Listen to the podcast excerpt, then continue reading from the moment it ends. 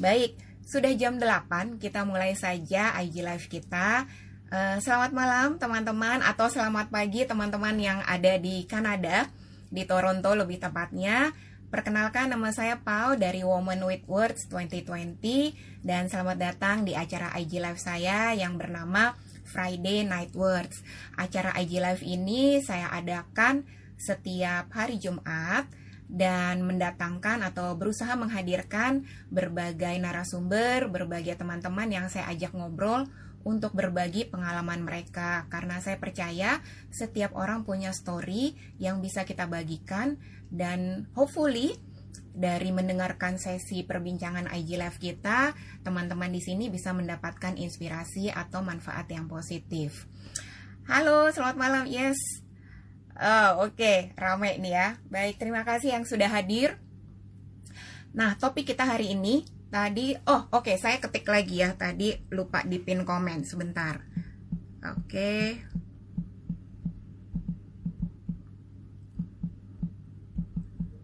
Sebentar, yes. Baik, topik kita malam hari ini namanya uh, A Gift Called Autism. Jadi tamu kita hari ini sepertinya sudah hadir tadi, sebentar lagi akan saya undang. Uh, namanya adalah Anita Kristianita. Ini dia ini sebenarnya sahabat lama saya. Dibilang sahabat, uh, ya.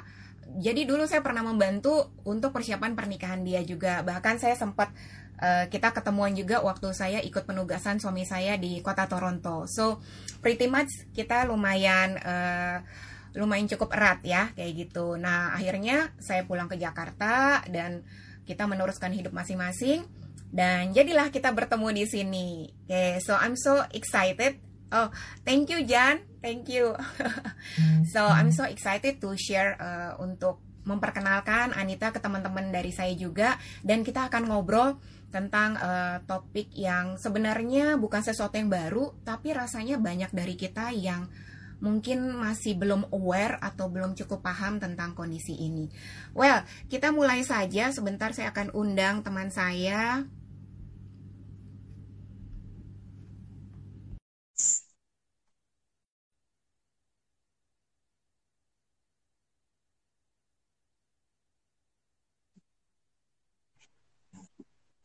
Halo.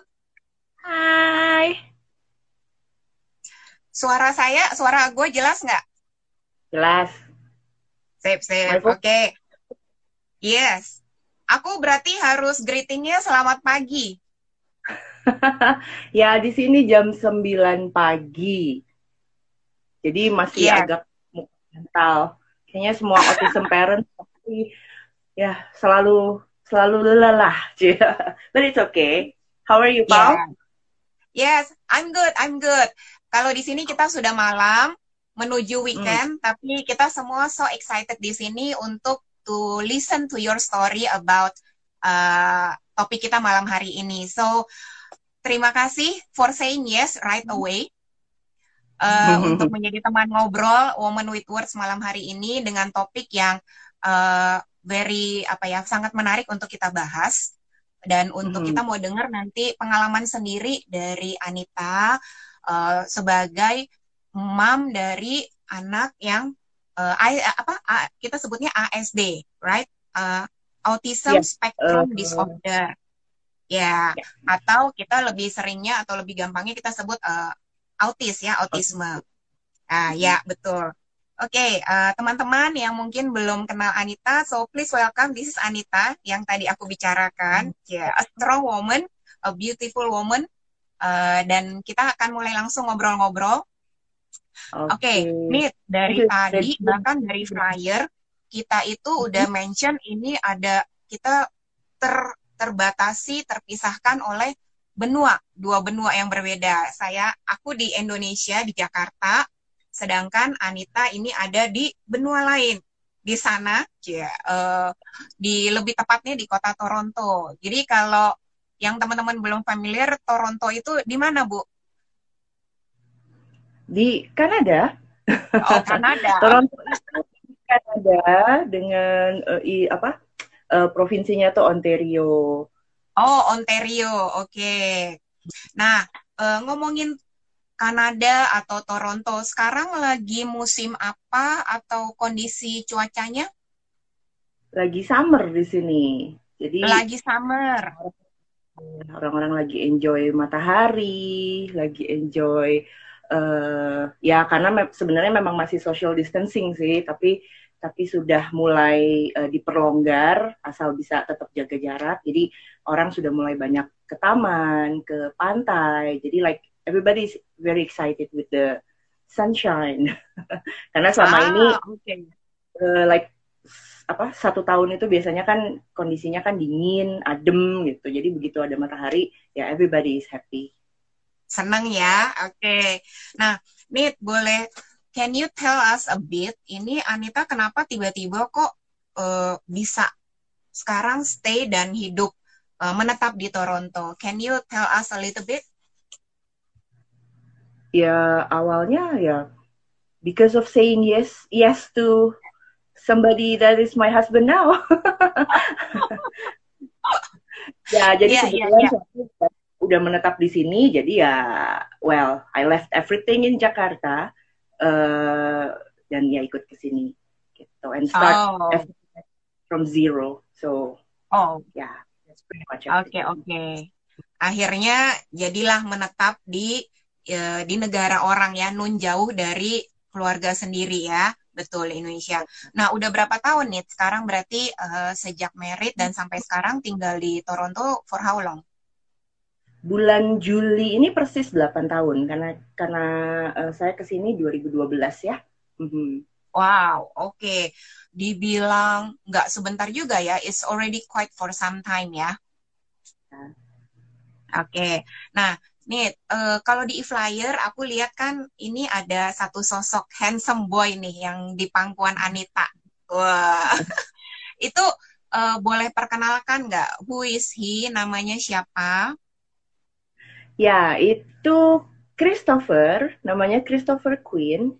He is my son, our son, anak ya. pertama yeah. dan mungkin akan satu-satunya. Uh, umurnya empat hmm. tahun berapa ya? Dia akhirnya April, Mei, Juni, Juli. Oh ya, satu Juli kemarin dia persis eh, empat uh, tahun empat bulan berarti ya. Uh, hmm. Jadi dia lahir 2016. Jadi dia sudah empat oh. tahun bulan ya. Oke, okay. hmm. nah berarti boleh dibilang ini gua lu aja ya biar lebih santai ya. Nah boleh ya. dibilang berarti lu setelah merit terus proses hamil dan melahirkan itu di Toronto. Uh, hmm. Ceritain dong selama ini kan paling cuma dengar dari orang nih. Nah, kita sekarang pingin dengar langsung dari seorang Anita. Uh, pengalamannya rasanya apa sih proses 40 minggu kurang lebih ya nine months gitu hamil terus melahirkan di negara orang jauh dari orang tua jauh dari keluarga uh, perasaannya atau ada pengalaman apa nggak yang mungkin bisa diceritain sedikit ke kita? Waktu pas hamil ya ya kaget excited uh, worry juga. Uh, ya adalah kekhawatiran-kekhawatiran gimana nih gimana nih? But basically I'm a very easygoing person. It's just like everything ya. Ya udah just just go with the flow. Gitu aja. Dan apa uh, selama kehamilan itu luar biasa sebenarnya Pau. Jadi uh, hmm. gue itu sama sekali uh, tidak pernah satu kali pun merasakan morning sickness. And hmm. I've been waiting for that. Jadi kan gue uh, dengar kan dari teman-teman oh gue muntah-muntah nih setiap hari.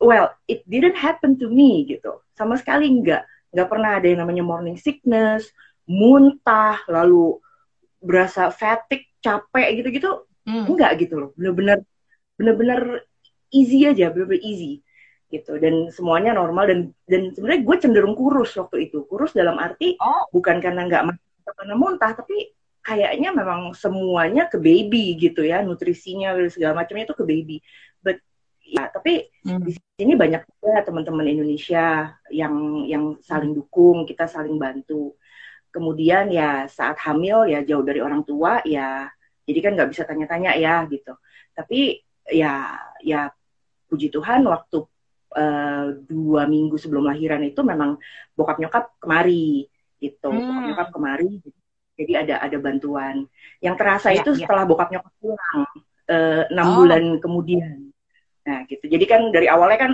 enak tuh ada yang bantuin ada ada ada role model ada ada yang ngajak main ada yang gimana ya and then it's happy also to see them happy. Karena ini Hmm. kebetulan cowok eh, satu-satunya. Yang lain eh, apa eh, my sister anaknya dua perempuan. Nah Oh, jadi tapi ya ya challenge mulai hadir setelah eh, bokap nyokap balik ke Jakarta. Gitu. Oh. gimana parenting itu gimana? Kalau anak ini muntah bagaimana? Kalau anak ya something yang seperti itu Mhm. oh, oke oke. Jadi justru eh, sebelum lahiran orang tuanya Anita tuh udah sempet datang ke Toronto dan eh, stay untuk bantu kalian itu kurang lebih enam Mhm. bulan gitu ya. Tapi setelah Iya, mereka jadi, pulang eh, ini baru mm-mm. berapa lama? Jadi eh, eh, akhir Februari eh, mereka datang ke sini dan Maret gue lahiran gitu. Lalu Agustus Hmm. mereka balik ke Jakarta saat Christopher umur hampir enam bulan ya. Oh, oke. Jadi justru tantangannya tuh pada saat orang tua sudah balik ke Jakarta, wah, this is baru Hmm. nih the real the real happening ya, the real parenting baru dimulai. Nah, oke. The real jungle. Eh, yes. Oke, oke.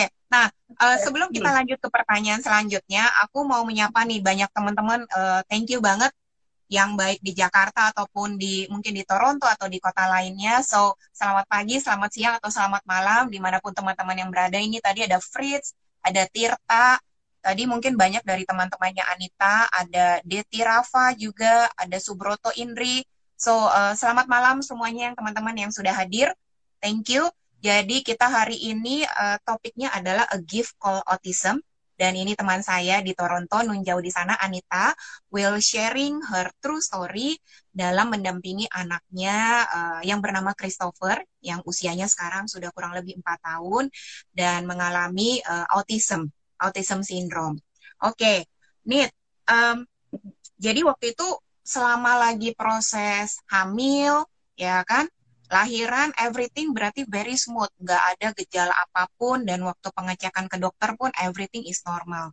So eh, tiba-tiba si Christopher ini kan kalau kita bayi, mereka masih bayi kan bahasa bahasa utamanya is just crying, betul? Lapar nangis, Hmm. eh, kalau lapar nangis, mau ngantuk Hmm. nangis, mau bosan juga nangis semuanya. Jadi eh, pengalaman Anita nih karena kan yang 24/7 ini yang ada di samping Christopher itu em, waktu itu bisa feeling ada atau ada perasaan nih kayaknya ada something wrong nih, something is not right with my son itu pada saat dia usia berapa? Nah, jadi eh, mungkin teman-teman ibu-ibu orang tua juga juga tahu ya, se dari bayi kan anak itu dibawa ke dokter untuk diimunisasi, lalu diberikan eh, saya nggak tahu kalau di kalau di Jakarta kebetulan yang saya alami memang diberikan setiap bulan itu saat kontrol ke dokter imunisasi itu diberikan checklist gitu ya, diberikan checklist tumbuh kembang anak, tumbuh kembang Ya. anak eh, itu di, itu detail ditanya eh, babbling atau tidak gitu dikasih tick yes or no terus eh, Ya. merangkak eh, misalnya umur berapa empat bulan merang- merangkak yes eh, iya apa enggak lalu Hmm. eh, mulai apa namanya eh, engaging in a in a di, di dalam misalnya kita bercanda sama dia dia engage atau Ya. enggak lalu dia eh, Hmm. saat usia 9 bulan misalnya dia narik narik kereta-keretaan atau enggak, narik mainan atau enggak gitu. Something something spesifik yang seperti itu. Kemudian eh, dari mulai bayi, what I could say is eh, everything pretty much very normal gitu. It's like tentunya sebagai orang tua, gue juga eh, compare dengan bukan maksudnya comparing, tapi maksudnya kan kita juga belajar ya dari dari orang tua orang lain, dari orang tua lain gitu loh tentang milestone seorang anak usia segini Hmm. harusnya gimana, usia kurang lebih harusnya bagaimana. Itu pretty much normal. Dia mulai eh, makan makan solid usia sekitar lima bulan, lalu tumbuh giginya juga usia sekitar empat bulan gitu udah kelihatan giginya. Hmm. Kemudian bercanda, eye contact, dibecandain dia dia responnya responsifnya bagus gitu. Hmm. Jadi ya sebelum usia gue akan coba bagi sebelum satu tahun itu semuanya ya. oke. Okay. Makan oke, okay. makan gue apa uh, saya blenderin segala ya. macam makanan, ati ayam itu dia mau gitu. Sampai red bean dia mau dia terima. Sayur semua dia terima. Gitu dia oke okay, dia makan gitu. Terus susu susunya kuat. Terus dia punya apa uh, apa sih namanya uh, daya hisap apa ya intinya yeah, yeah. dia itu gitu loh. Oke okay, gitu. Nah kemudian setelah uh, yang yang saya amati gitu ya dari awal memang ada uh, sesuatu yang mungkin agak left behind dari segi motoriknya dia gitu ya jadi okay. contoh apa umur umur enam bulan misalnya secara umum uh, anak itu sudah bisa duduk gitu kan nah yeah. tapi Christopher itu belum bisa gitu mm. uh, lalu umur lima bulan enam bulan anak-anak tuh harusnya bisa merangkak atau bisa bisa dengan empat uh, four leg yeah, gitu ya bisa dengan hmm. crawling nah kok Christopher dia nggak crawling dia cuma maju mundur uh. maju mundur aja gitu dengan empat hmm. kaki itu dia hanya maju mundur maju yeah, mundur yeah. habis itu uh, ya umur umur bahkan pada saat Christmas itu dia sekitar 9 bulan ya uh, dia bisa duduk tapi dia letoy gitu dia letoy oh. dia harus disupport gitu uh, memang duduk berdiri, tengkurap itu memang untuk baby itu kan sesuatu yang harus dilatih ya, harus dilatih dan disupervise. Gitu. Mungkin ya, well, I'm uh, apa dari orang-orang dulu gitu ya, dari orang tua, om, tante dan lain-lain tuh uh, pesan sponsornya tuh banyak gitu. Dalam arti jangan dipaksain duduk, nanti bengkok, jangan diiniin, nanti begini gitu ya. And ya udah gitu oke okay, I follow gitu kan ya udah gitu tapi tapi ya setelah satu tahun satu tahun dia bisa duduk sendiri dia bisa independen hmm. duduk sendiri kemudian dia masih belum bisa jalan tuh masih masih titah-titah hmm. gitu ya bisa jalan bahkan ya. saat umur satu tahun ya dia belum bisa jalan gitu hmm. dan karena jalan nanti kakinya oh gitu kan. Ya but ya itu sesuatu yang harus dilatih sebenarnya kan. Nah kemudian nah saya mulai mengamati setelah satu tahun nih. Setelah satu hmm. tahun uh, nih anak baru bis uh, belum bisa ngomong. Jadi dalam checklist itu ada maybe like umur 9 bulan 10 bulan itu uh, baby tuh sudah bisa produce uh, word ya walaupun Kata-kata. dalam baby language yeah. ya.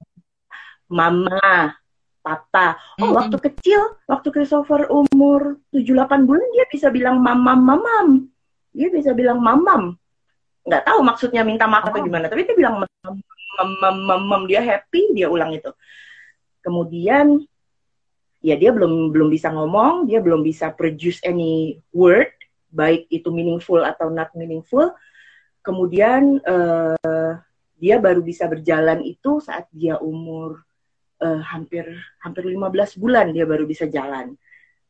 Hmm. Halo? Yes, kedengaran? I think you are reconnecting. Bisa kedengaran tetap? Bisa. Yes. Oke. Okay. Ya, kayaknya Bisa, reconnecting ini tahu. Halo. Yes, clear. So, Ya. Anita. Yuk. Ya, bisa. Ya. Oke, lanjut. Oke. Okay. Kayaknya agak reconnecting. Tunggu better sebentar. Iya, iya. Oke, tuh, lanjut. Oke. Anita bisa dengar suara aku? Bisa tapi gambarnya it's like rotating I mean like ada oh. uh, uh, like reconnecting oke okay, sebentar Ya. Oke, lanjut nih, nggak apa-apa. Suaranya kedengaran. Oke. Mm-mm. Oke, Suaranya agak, jadi agak boleh eh, aku simpulkan. on and off. Bisa sekarang kedengaran? Yes. Aku lanjut ya. Ya. Oke. Jadi overall dari hamil terus melahirkan fine dan selama enam bulan pertama bahkan makannya appetite-nya pun juga gampang. Terus tapi menjelang satu tahun Anita sudah mulai mengamati ini ada beberapa yang kalau dilihat mungkin dari checklist tumbuh kembang seorang bayi kok ada beberapa fase yang krusialnya ini si Christopher belum achieve. Salah satu yang you Ya. notice tadi adalah soal merangkak atau crawling. Eh, begitu Ya. apa begitu ya. Nah, oke. Ya. Nah, jadi dari selama dia udah mulai birthday yang pertama, itu kan harusnya ba- udah banyak milestone yang seorang bayi ini harusnya udah bisa achieve, betul ya? Eh, harusnya sudah mungkin ada beberapa kata yang dia bisa produce dengan jelas. Nah, tiba-tiba tadi Anita sempat mention awalnya pernah ngomong kayak mam mam mam mam, terus akhirnya malah jadi nggak jelas gitu Stop. ya. Oh, malah stop. Ya. Oke. Nah, Ya. Oh, akhirnya satu Yes. Christopher sekarang Christopher masih nonverbal ya, dia masih belum belum punya kemampuan bicara. Mhm. Oke, nah fast forward dari satu tahun sampai sekarang nih, eh, dari kan your feeling nih sebagai seorang ibu. Nah ini kayaknya something is not right.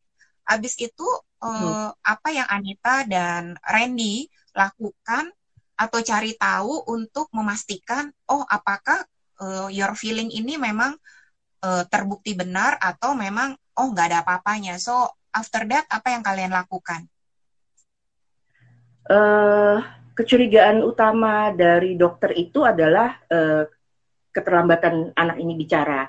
It could be Hmm. anything. Banyak juga anak yang Ya. delay speech tapi memang Betul. tidak punya gangguan speaking, ya. Ya. Nah, mengamati itu karena autism itu satu lagi eh, satu hal yang perlu diingat, autism itu bukan penyakit, ya. Itu Hmm. sebuah eh, itu disorder dalam arti Gangguan. mereka mempunyai fungsi yang berbeda gitu ya. It's like wired brain dan eh, mempunyai tantangan dalam berkomunikasi, bersosialisasi dan juga em, ekspresi mengungkapkan eh, dan juga perilaku gitu maksudnya ya. Ya. Nah, setelah umur satu tahun itu, setelah mulai bisa eh, jalan dan lain-lain, itu banyak behavior yang eh, sepertinya kalau dilihat-lihat itu waktu itu kok sepertinya mengarah ke autism. Tapi balik lagi, Hmm. kita masih punya gitu kan. Kita mikirnya ah setiap anak beda gitu. Setiap anak beda. Tapi udah udah deg-degan nih sebenarnya. Kok anak si itu udah bisa begini, anak gue belum. Kok si dia Ya. udah bisa begitu, anak gue belum.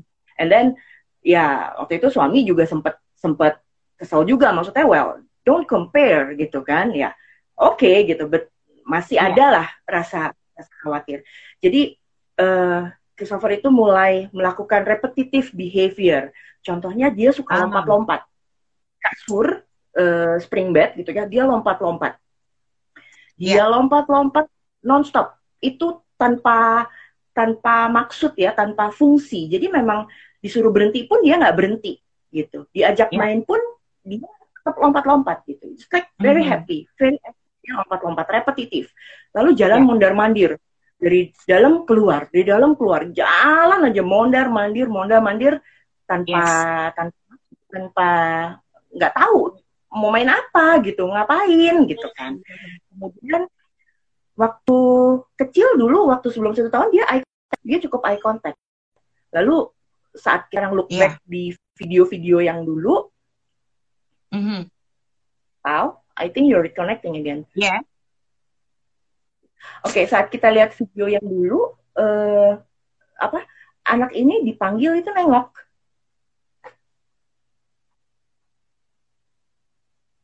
Anita, halo yes. Tadi sempat keputus suaranya. oke sampai yang yang mana tadi yang keputus ya Eh, dikasih lihat video. Oke, dikasih lihat eh, saya kas- eh, saya nonton video yang dulu saat anak itu dipanggil dia nengok, dia atta- Ah. attention gitu ya. Mhm. Setelah tahun eh, itu enggak lagi.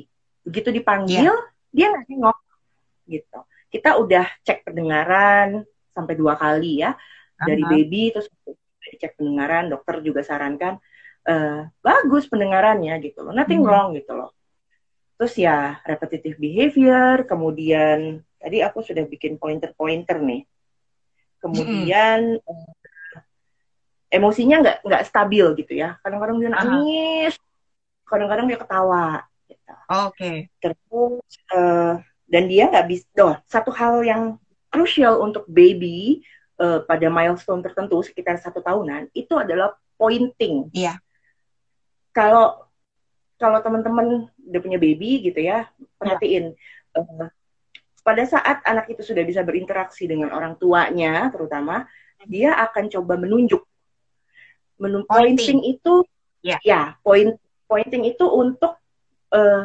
apa men menunjukkan dia interested of something dia punya satu mm. interest misalnya dia nunjuk ke dia penasaran kan udah mulai harusnya udah mulai penasaran misalnya dia nunjuk itu apa dan dan yes. dia coba uh, attract attention kita untuk melihat hal yang dia tunjuk gitu mm-hmm. dulu dulu gue inget banget anaknya Pau dulu saya inget banget anaknya Pau waktu di Toronto masih umur dua setengah tahun kita pergi jalan-jalan sering banget Kelly itu selalu bilang, "Mami, look, mami, look." gitu. That's that's a good sign gitu. That's that's the milestone gitu. Nah, mm -hmm. itu enggak. Dia sama sekali tidak nunjuk. Dia nggak nggak nggak nunjuk untuk nunjukin dia interested sama sesuatu atau untuk nunjukin ke kita untuk nih lihat dong, mami look gitu enggak. Dia sama sekali enggak. Mm -hmm. Itu. Dan setelah satu tahun itu dia punya appetite, dia punya mungkin sensori di lidahnya ya, itu mm -hmm. berubah total. Dia sama sekali nggak oh. mau sayuran, mau di blender, mau apa, mau diumpetin, saran semua orang udah diikutin, diakalin dong, diumpetin, gini segala macam. Yeah. Cannot, cannot gitu. And I'm, ya, ya gimana? Nggak mau makan, ya nggak bisa nggak dimakan nggak bisa yeah. mau didisiplin it's a different thing gitu kan gitu jadi betul, betul. kurang lebih tanda-tanda itu yang uh, hmm. apa melihat di Christopher kemudian uh, dia nggak play pretend jadi kalau oh. kalau anak umur satu tahun bisa duduk udah bisa jalan biasanya maminya seneng tuh beliin mainan yang dapur-dapuran lalu mainan hmm, sapu mobil-mobilan mobilan yang uh, atau ini main apa uh, tukang yang apa sih istilahnya carpenter uh, yang yeah. itu pokoknya yeah. dia bisa mainin. Nah, anak ini nggak play pretend. Uh, hmm. Waktu dia umur ya umur sekitar satu tahun itu pada saat dia uh, dulu gue masukin dia di playpen ya di di kandang gitu ya dia mainnya di situ while I'm doing something else uh, dia itu cenderung hmm. mainannya tuh cuma dikumpulin ke satu pojokan gitu loh. Dia nggak mainin. Uh, cuma di, jadi nggak dia nggak dia tanggepin ya dia nggak mainin ya dia main secara bet betul dan dia nggak imitate mm-hmm. dia nggak bisa yeah, iya. imitasi yeah. jadi ini main ayo masak masakan gitu dia nggak dia nggak interest dia nggak mau jadi dia nggak engage dengan orang lain untuk bermain itu itu mm-hmm. itu tanda yang ada di Christopher uh, mungkin okay. banyak sih tanda-tanda spektrum lainnya juga banyak uh, well, I'm not the expert, I'm just sharing my my experience yang aku alami. Gitu ya. Ada juga anak okay. autistik yang uh, noise sensitif, dia dia hmm. nggak hmm. dia nggak bisa dengar suara, bahkan dengar suara televisi dia nggak bisa, bahkan dengar suara oh. keran air dia nggak bisa. Dimandiin oh. juga itu ada gitu. Lalu ada yang suka lining up mainan.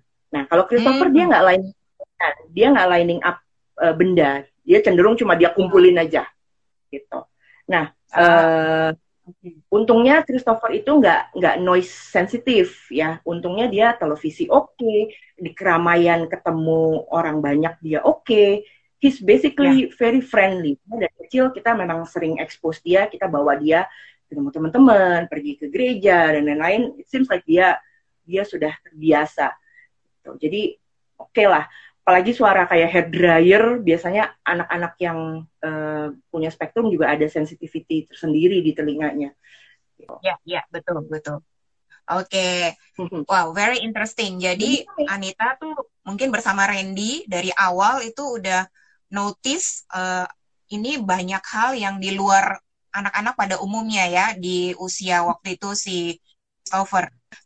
Oke, uh, ini makin malam makin ramai di Toronto. Jadi uh, selamat datang semua teman-teman di sini yang hadir di Women with Words 2020.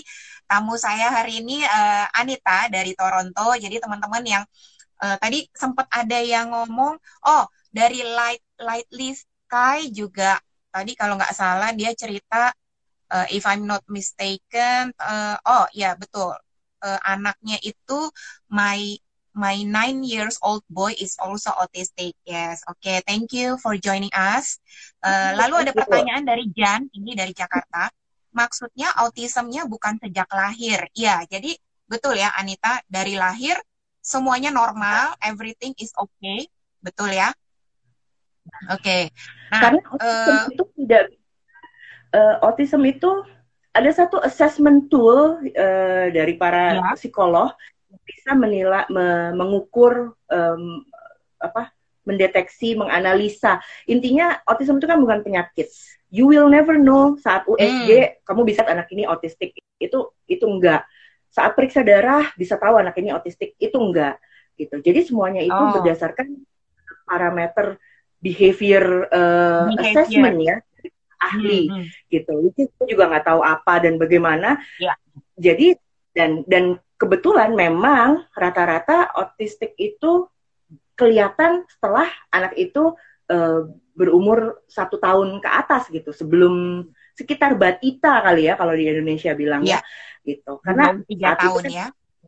mulai kelihatan kan perkembangan behaviornya baru mulai kelihatan gitu. Nah terus um, apa namanya uh, lanjut cerita sedikit lagi ya. Waktu itu ya. akhirnya dokter kita memang uh, refer uh, Christopher untuk ketemu speech therapist karena uh, alert red flagnya dia itu dia belum bicara hmm. kemudian ya itu masih waiting list tuh di sini untuk bertemu dengan medis dan lain-lain memang semuanya aturannya memang kita ada waiting listnya karena kita nggak bisa pergi yeah sendiri seperti mm -hmm. dokter private di Indonesia gitu kita kita nggak yeah. Iya. uh, ya ada sih tapi enggak gitu nah mm -hmm. kemudian uh, ya udah kita ketemu speech therapist basically orang tuanya yang diajarin bagaimana untuk bisa engage in communication gitu jadi mm-hmm. tantangannya ya memang komunikasi gitu karena anak ini nggak bisa iya. address apa yang dia mau gitu. oke okay.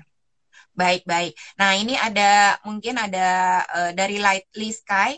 Oh, kalau menurut hmm. dia, autisnya mungkin sudah dari lahir, tapi mungkin perilakunya yang baru obvious kelihatan itu baru terlihat jelas di atas uh, satu tahun ke atas, gitu. Kalau menurut si Lightly ya. Sky. Ya mungkin ya, karena ya, ya, ya itu dia setelah satu tahun kan anak itu sudah mulai ya. kelihatan uh, gross motor skillnya, fine motor yeah. skillnya itu sudah kelihatan mm -hmm. ya. Yes. Kalau dari lahir okay. mungkin kali ya untuk diakses. Iya betul. Well, leave it. Um, yes, aku mau tanya nih, mm -hmm. gue mau tanya. So waktu uh, ini berarti termasuk Anita nih pasang Anita dan Randy ini pasangan orang tua berarti yang aware-nya kan cepat sekali. Because kalau aku dengar dari pengalaman orang lain juga atau dari aku baca, ada beberapa parents ini yang mungkin baru aware-nya itu quite late. Ya, my question hmm. is, waktu Anita tahu pertama kali, aku nanyanya dari sisi Anita, not from both of you. How do you feel? You mean after the diagnosis? Mm-hmm. Uh, honestly, dibilang kaget sebenarnya enggak, karena yeah. udah jadi setelah ketemu speech therapist itu kita masih like on a very long wait list untuk ketemu ahlinya, untuk ketemu uh, mm-hmm. pediatrician, psychologist, something like that. Yeah. Itu kita nunggu sekitar satu setengah tahun waktu itu. Jadi yeah. diagnosa Christopher itu sebenarnya baru pada saat dia di umur tiga tahun waktu itu tahun lalu oh. uh, 2000, 2018 sorry. Nah mm-hmm. uh, pada saat udah didiagnos ya nggak kaget sih lebih kepada hmm. relief mm. gitu loh bahwa akhirnya okay. uh, gue punya uh, panduan uh, mm-hmm. anak ini mau diarahin ke mana. Sebelumnya kan masih gray area, nggak tahu yeah, ini yeah, autism yeah. atau apa gitu. Jadi hmm. lebih kepada uh, relief gitu ya, lebih kepada oh ya udah lega, oke okay. gitu. Dokternya juga hmm, kaget, mm-hmm. gua nggak kaget, nggak nggak nggak nggak shock gitu ya.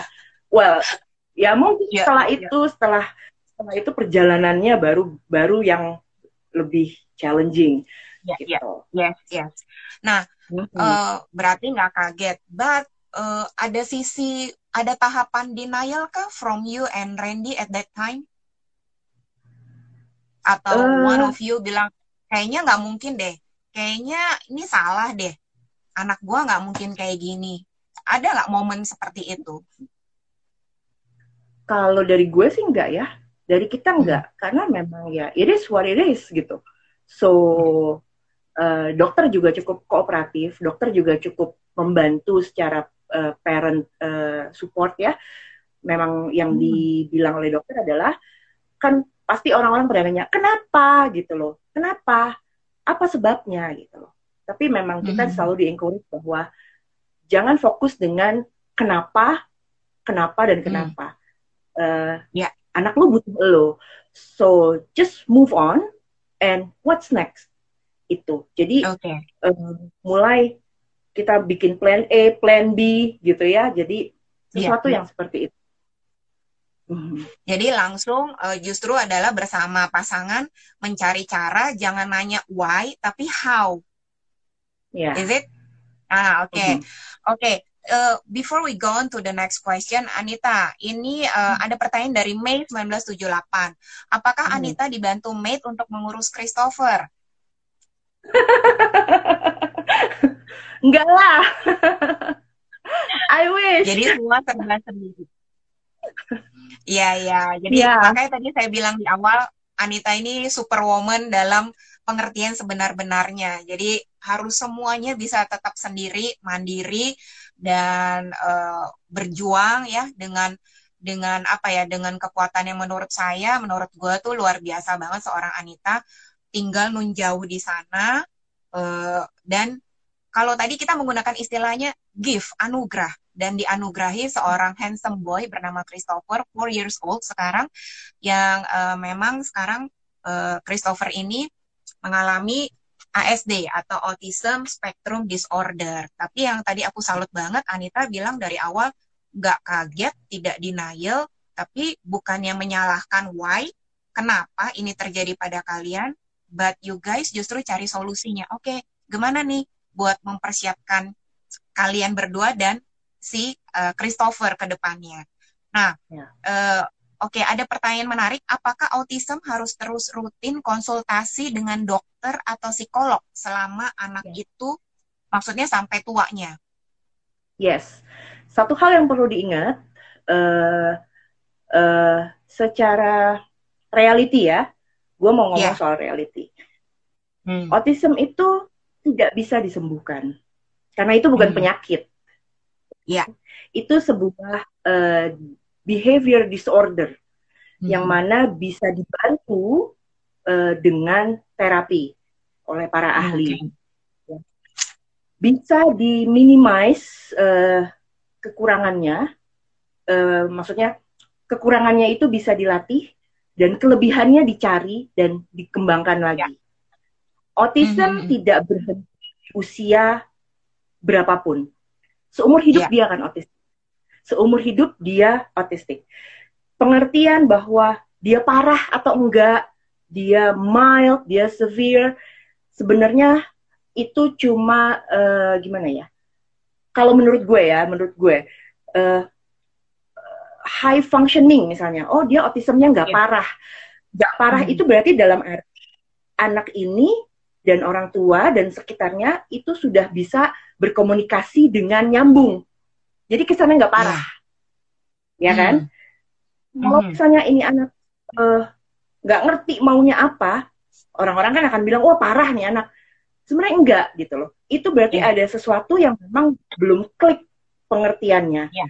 gitu. Itu, okay. itu menurut menurut pengalaman okay. pribadi saya ya. Nih, um, yes, oke. Okay jadi rasanya mungkin masih banyak uh, yang tadi kita cerita di awal ya, masih banyak tuh uh, teman-teman, society, lingkungan atau komunitas tuh yang belum cukup memiliki informasi yang tepat, eh, tetap apa tetap uh, tepat, sorry, tentang autism itu.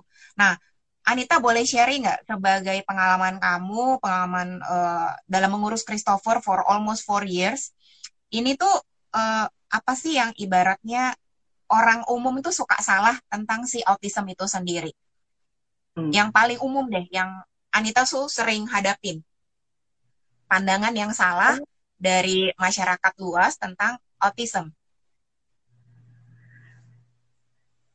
Kalau di Indonesia, kalau di honestly kalau di Kanada sendiri, uh, autism itu sesuatu yang mungkin sudah diakui dan sudah dilindungi ya gitu dan oh. dan awarenessnya lebih mm-hmm. lebih besar ya orang awarenessnya lebih ada gitu loh uh, walaupun yeah. misalnya tidak mungkin tetap ada kasus bully misalnya atau atau yeah. Ya. uh, apa namanya stigma mungkin mm. uh, aku mau poin dengan teman-teman di Indonesia gitu ya mm-hmm. uh, kadang uh, kadang sebagai autism parents kita itu ngerasa down justru saat orang lain hanya dengan pandangan mata orang gitu. Misalnya hmm. cuma ngeliatin aja misalnya anak kita lagi steaming nih, anak kita lagi lagi wah lagi meltdown. Terus orang iseng iseng aja berkomentar, "Sudah diam kayak anaknya?" gitu. Gitu. Hmm. Pernah dong? Pernah kan begitu? Itu yeah. itu sesuatu yang menyedihkan sebenarnya. Sesuatu yang gue nggak bisa jelasin anak gue kenapa dan gue nggak perlu jelasin juga gitu kan. Betul. Terus kok enak banget lu tinggal ngomong gitu gitu. Atau yeah. misalnya uh, apa namanya? Oh terus ada juga orang bilang misalnya misalnya kita gue open ya gue gue selalu bilang well my son is gifted with autism. Gue selalu yes. bilang anak gifted. Bukan sakit mm. bukan yeah. curse bukan anything. Uh, dan mereka tuh bilang oh I'm so sorry. What's to be sorry for? Gitu. It's not yeah, something yeah. to pity about gitu kan? Bukan sesuatu yang harus di sayangkan. Mm-hmm. ya betul. Itu. Jadi uh, dan kadang orang itu beropini tanpa ditanya gitu. Wah harusnya begini begini begini. Harusnya tuh sumbernya nggak jelas. Oh harusnya dipijit ininya. Harusnya dikasih dicoba begini begini begini. I mean don't you think I'm I've already tried everything. You don't live with me gitu loh. So just yeah, yeah. Uh, itu hal-hal seperti gitu seperti gimana ya seperti toxic positivity gitu ya, ya. ya. nggak punya nggak kasih perhatian tapi kok nggak ada empatinya gitu ya. bukan sih minta dikasihani gitu it's just something about like uh, apa uh, something about gimana ya ya just just accept gitu and biasa ya. aja ya. gitu loh nggak ngeliat mm-hmm. anak gue sebagai sesuatu yang aneh banget gitu kan lalu ada juga yang bilang tapi anak lo nggak kelihatan autistik loh. Emang anak autistik kelihatannya seperti apa? Gitu. Dia secara fisikal secara fisik dia normal. Gitu. Yeah. Iya. uh, nggak kelihatan sampai dia menunjukkan behavior yang ke arah situ. Gitu. Jadi yeah, uh, yeah. lagi yang suka bilang aduh Anita be strong. Um am I not strong enough? I mean like it's not something about uh, I mean bukan be strong ya. I'm not losing anything gitu loh. Iya, yeah, yeah. something ya. Gitu deh. Oke. Okay.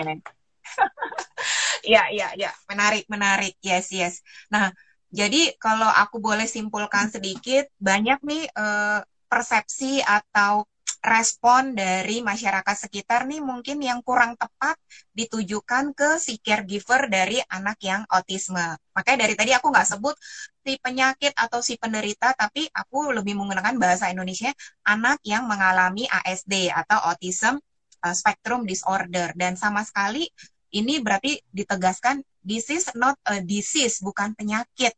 Jadi uh, bukan dicari obat penyembuhnya, tapi dilakukan terapi untuk membantu si anak ini bisa uh, istilahnya tidak fokus dengan kekurangannya, tapi justru ditampilkan giftednya, kelebihannya, supaya nanti yeah. anyway dia kan harus akan berjuang untuk uh, hidup di society luas, gitu ya Nit? Ya. Yeah. Nah, oke, okay. uh, ini menarik banget nih. Aku bener-bener apa ya is open my mind juga uh, karena ya hal-hal gini not every parents yang dianugerahi uh, atau di gifted anak yang autism dalam hal ini atau anak berkebutuhan khusus lah pasti kan banyak jenisnya lain yang mau willing to share their opinion, their story. So uh, aku bersyukur sekali Anita mau willing to share your story. Nih, kalau misalnya nih, karena waktu kita terbatas juga, ini uh, aku dengar-dengar Anita mau kasih special something juga kah buat teman-teman yang khususnya di Toronto? Or is it? Ada? Kalau ada teman-teman yang di Toronto, ada nggak? Kalau misalnya ada teman-teman yang di Toronto yang uh, ya unfortunately yang sama-sama orang Indonesia berarti ya, uh, yang punya anak berkebutuhan khusus, uh, katakanlah autism, like we are in the same uh, we are in the same storm ya, kita kita iya. berada yeah. dalam uh, kondisi yang sama. Let's connect, and I have something for you. Give me a direct message uh, ya yeah, I have I just have something for you gitu. Jadi cuma Jadi, syaratnya dua. Masih banyak banget nih yang mau di mau di uh, oh, ceritain. Ada ada. Jadi betul. Jadi ya tunggu. Jadi aku ulang dulu nih. Takut teman-teman nggak nggak kedengeran. Jadi nanti sesudah acara ini selesai, please direct message Anita right away. Uh, whoever yang ikut di IG Live ini, tapi syaratnya dua satu, dia adalah orang tua yang memiliki anak berkebutuhan khusus. Dan yang kedua, domisilinya mm -hmm. di Toronto. Jadi kalau Jakarta nggak termasuk ya? Jakarta nanti kalau mudik ya. Oke, okay. well, jadi ya. Yeah. So Anita, like, Anita, it's yes, itu itu contohnya something yang dia mau uh, kasih untuk oh, to stay connected dan berbagi. Yeah. Something okay. to support. Ini um, hmm, tadi kan udah dengar pengalaman Anita, terus uh, apa tanda-tanda yang Anita aware tentang si Christopher itu sendiri, ya kan? Dari dia kecil sampai sekarang. Dan uh, harapannya, oh kalau misalnya ada teman-teman, aku kan tadi juga mention Anita tuh punya akun FB dan IG, itu namanya a gift uh, called autism. Uh, boleh cerita singkat nggak itu the reason why you create that account dan tujuannya untuk apa? Hmm, it's basically just to switch uh, a stigma size. Jadi mm-hmm. banyak orang yang menganggap autism dapat anak autism itu sebagai suatu uh, sesuatu yang tidak tidak baik, sesuatu yang ada penyesalan, ada denial. Well, terus terang gue juga I'm just a human gue juga melewati fase tersebut gitu ya tapi yeah. well once kita uh, kita harus kita switch jadi satu yang positif bahwa itu sebuah gift like like the universe yeah. will will be with you gitu will akan dukung lo dan lebih kepada creating autism awareness and acceptance jadi uh, apa sih autism awareness? Jadi banyak ya. Bulan April ya. itu adalah autism hmm. awareness month. Uh, banyak yang tidak banyak yang tahu tapi tidak tahu itu apa. Mungkin misalkannya ya. oh peringatan khusus untuk anak-anak autis. Bukan. Hmm. Jadi sebenarnya itu uh, adalah sebuah campaign ya, ya. di mana justru kita aware terhadap anak-anak yang berkebutuhan khusus, especially autism. How we accept them, how we include hmm. them. Ya, enggak, yeah. jangan salah loh, banyak anak uh, autistik yang tidak diundang pesta ulang tahun, bener nggak? Hmm. Ya kan? Karena ya nggak nyalain juga, karena mungkin si pengundangnya mungkin mikir nanti anaknya yeah. toh nggak bisa ngapa-ngapain, toh nggak main sama temen-temennya, yeah, yeah. toh nggak berinteraksi. Hmm. Tapi itu perasaan yang cukup menyedihkan gitu ya untuk orang tuanya. Hmm. Ya, but that's life. Oke. Okay. Iya, yeah. Nah, jadi intinya intinya ya ingin menciptakan satu hal yang positif bahwa autism is not a curse. Autism is a journey. Jadi uh, dan gimana ya? Dan ya kita kitanya kita aware dan ya accept gitu loh. Caranya bagaimana? uh, ya start to be more lebih punya empati, lebih punya rasa ya. gimana ya? Lebih punya lebih kepada uh, attitude sih kalau menurut gue gitu. Oke hmm. oke. Okay, okay. Ya hmm. jadi uh, akun yang Anita dan Randy create namanya A Gift Called uh, Autism seperti judul topik hmm. IG Live kita hari ini adalah satu platform yang kalian bikin dengan harapan ini bisa share hal positivity tentang uh, yang namanya ASD atau Autism Spectrum Disorder bukan untuk memberi uh, rasa kasihan rasa piti, tapi justru untuk sarana kita berbagi kebaikan, berbagi hal positif, dan justru ini supaya open mind para uh, kita masyarakat umum, apa yang harus kita uh, lakukan atau apa yang harus kita bantu, dukungan apa yang kita bisa berikan, baik kepada para caregivernya atau anak-anak yang si mengalami autism ini.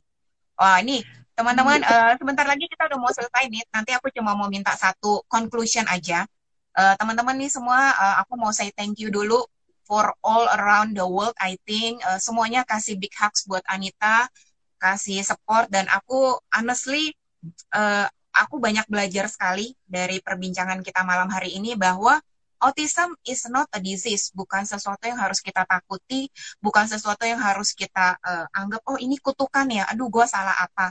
But it's just kalau kita mau lihatnya dari sisi a gift karena tadi ada yang cerita juga nih, anaknya dia, uh, temennya hmm. itu anaknya autism dan dia very uh, bright sekali di sekolahnya, juara umum, very smart. Hmm. Yeah, oke. Okay. Jadi uh, Anita boleh share, uh, boleh kasih satu kesimpulan pendek aja. So uh, dengan topik kita a gift called autism, what do you want to say to all of us here?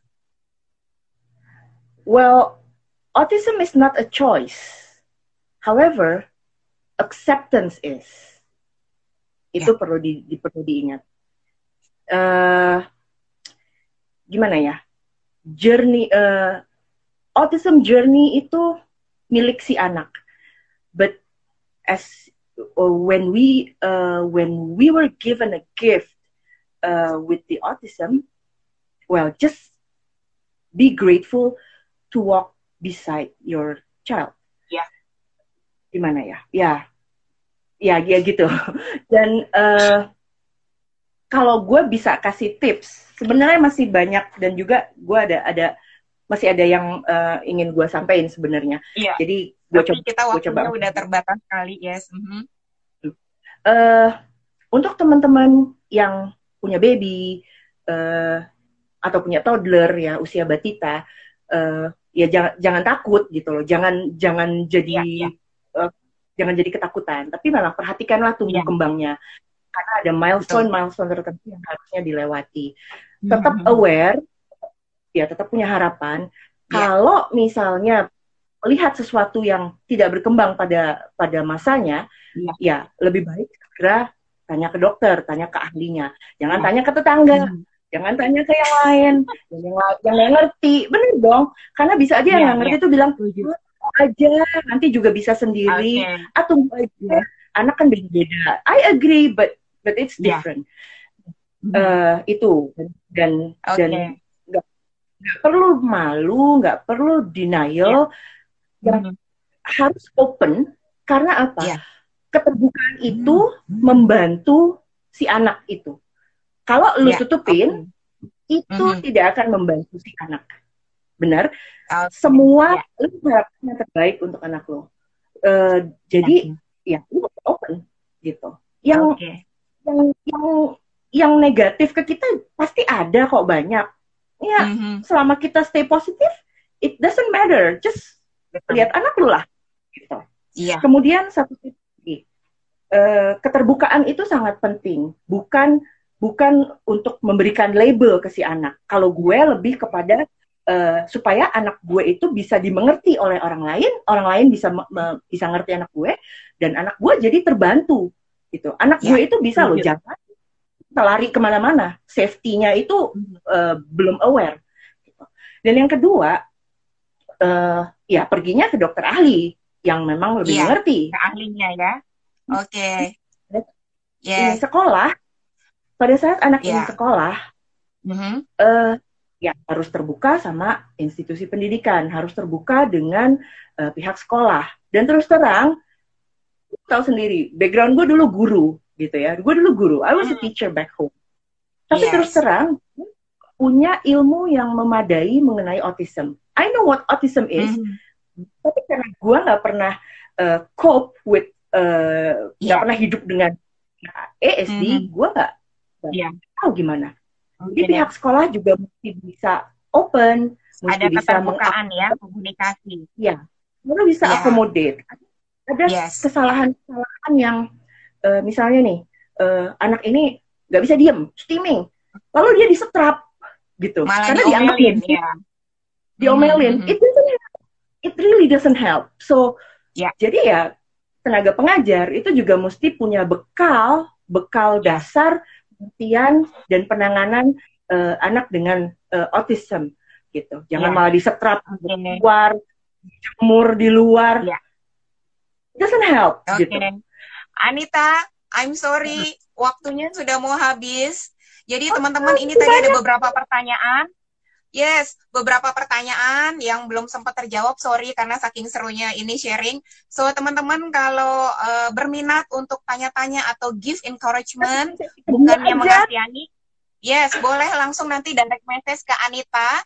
Uh, Instagramnya ada di e-flyer dan juga bisa uh, follow Woman with Words 2020 karena setiap Jumat malam Semoga saya bisa menghadirkan tamu-tamu lainnya yang dengan berbagai latar belakang, dengan berbagai cerita mereka. So, uh, Anita, oh, once again, thank you. Berapa lama lagi kita bisa mengudara? ya, ya. Nanti kita soon ya. Ya, gue mau kasih satu tips sebenarnya untuk. Iya. Uh, Oke, okay, masih ada waktu ya. Uh, jadi satu hal untuk autism parents atau anak yang uh, orang tua dengan anak berkebutuhan khusus, tantangan yang paling besar ke depan itu tentu saja uh, financial planning. Dalam hmm. arti seorang anak berkebutuhan khusus itu mempunyai uh, akan membutuhkan terapi seumur hidupnya, katakanlah itu. Kita nggak pernah yeah. tahu kapan terapi selesai. Mm-hmm. Uh, sekarang kita bisa bekerja, kita bisa menghasilkan uang, kita bisa bayar terapinya atau bisa di cover oleh uh, oleh benefit kantor dan lain-lain. Tapi hmm. satu faktor yang mesti dipikirin by the end is yeah. the ya. financial.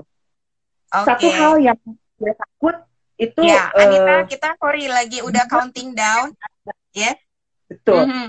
Mm -hmm. Jadi financial planning Jadi, itu uh, penting sekali ya untuk dipersiapkan. Betul. Yes. Betul. So Anita, so thank you once again. Jadi nanti kita akan ketemu lagi.